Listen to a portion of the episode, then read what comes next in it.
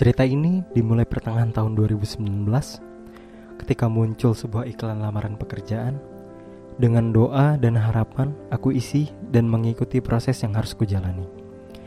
Dari sekian banyak pelamar, loloslah aku hingga menekan kontrak kerja. Banyak hal dan keinginan ketika itu dengan segala dendam keinginan tidak kesampaian sebelumnya, akhirnya aku mendapatkan keinginan tersebut. Di tahun pertama, aku belum ngerasa cukup dan puas dengan hal yang telah kudapat. Sering ngerasa insecure dan gak bersyukur. Tahun pertama aku lewati dengan kecewaan pada diri sendiri. Memasuki tahun 2020, banyak hal yang cukup mengejutkan kita semua di mana pandemi datang, menakuti banyak harapan dan resolusi yang tidak berjalan sesuai rencana kita semua. Di tengah-tengah kesusahan orang-orang, aku masih dapat bersyukur akan nikmat dan rezeki yang diberikan tanpa memikirkan resolusi dan keinginan yang ingin ku gapai. Memasuki tahun 2021, ketika keadaan hampir dapat dikendalikan, aku memulai kembali keinginan dan harapan yang ingin ku capai.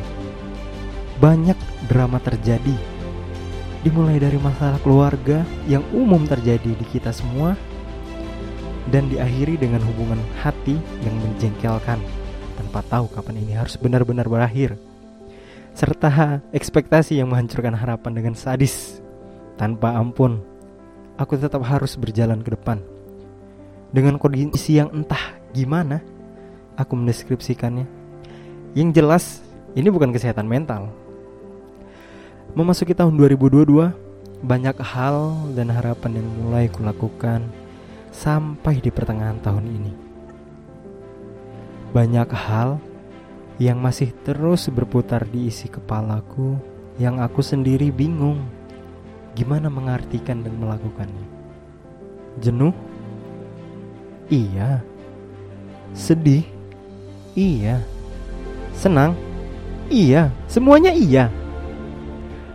Aku pikir aku dapat keinginan sudah cukup untuk bahagia.